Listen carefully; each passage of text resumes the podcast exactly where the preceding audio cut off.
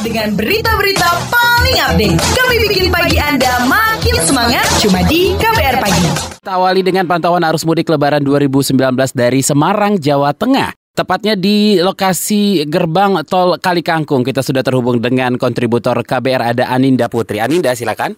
Ya, selamat pagi. Uh, volume kendaraan yang melintas di ruas Jalan Semarang Batang Gerbang Tol Kali Kangkung menjelang Hamin satu Lebaran tahun 2019 cenderung menurun dibandingkan dengan hari-hari sebelumnya. Puncak arus mudik terjadi pada tiga hari lalu, yakni pada 1 Juni kemarin. Meski terjadi puncak arus mudik, namun kondisi di tol Semarang Batang terpantau ramai lancar, yang didominasi oleh kendaraan pribadi. Untuk mengantisipasi kemacetan di gerbang tol, pihak Desa Marga telah menyediakan gardu tambahan yang awalnya 7 gardu, kini menjadi 23 gardu untuk mengantisipasi kemacetan.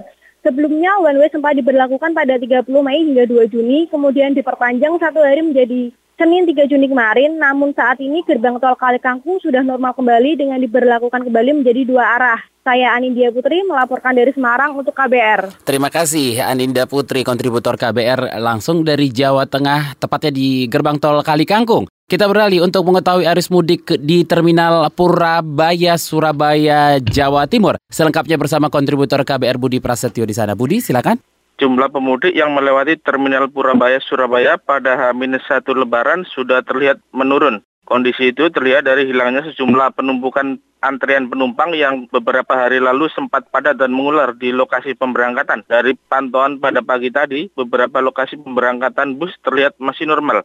Tidak terlihat penumpukan penumpang seperti yang terjadi beberapa waktu lalu.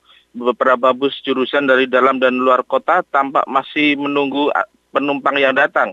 Kepala Terminal Bungurase Imam Hidayat mengatakan jumlah pemudik yang melewati Terminal Purabaya sampai dengan hari ini mencapai 46 ribu penumpang. Dia menuturkan pihaknya sudah mengeluarkan sejumlah kebijakan untuk mengantisipasi penumpukan yang terjadi pada arus balik nanti. Menurutnya jumlah penumpang itu dikatakan Imam salah satu faktor penyebabnya adalah adanya mudik gratis dengan bus kapal laut yang diadakan oleh pemerintah dan pihak swasta di Jatim. Menurut dia, puncak arus mudik di Terminal Purabaya sudah terjadi pada H-2 atau 3 hari yang lalu. Diperkirakan pada hari ini penumpang yang melewati Terminal Purabaya sudah tidak seramai beberapa waktu lalu. Sementara dari data Terminal Bungurasi, eh, penumpang yang naik masih didominasi oleh jurusan Surabaya Jogja, Surabaya Banyuwangi, Surabaya dan Surabaya Malang. Demikian laporan saya Budi Prasetyo, kontributor KBR dari Surabaya. Terima kasih Budi Prasetyo. Terakhir kita menuju ibu kota, Kementerian Perhubungan mencatat angka kecelakaan saat arus mudik lebaran 2019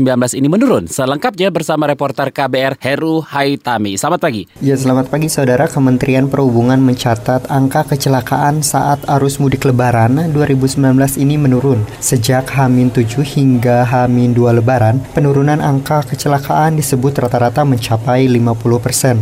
Ketua Posko Tingkat Nasional Angkutan Lebaran Terpadu Kementerian Perhubungan Sigit Irfansyah mengatakan penurunan drastis hampir 50 persen terjadi untuk kejadian maupun korban kecelakaan. Dari catatan Kementerian Perhubungan pada H-3 Lebaran 2018 lalu, ada sebanyak 138 kejadian dengan korban meninggal 29 orang, korban luka berat 33 orang, dan luka ringan 173 orang.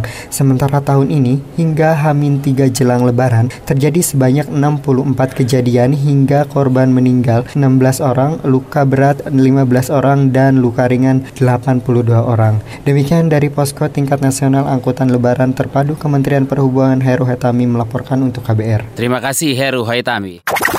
KBR, inspiratif, terpercaya.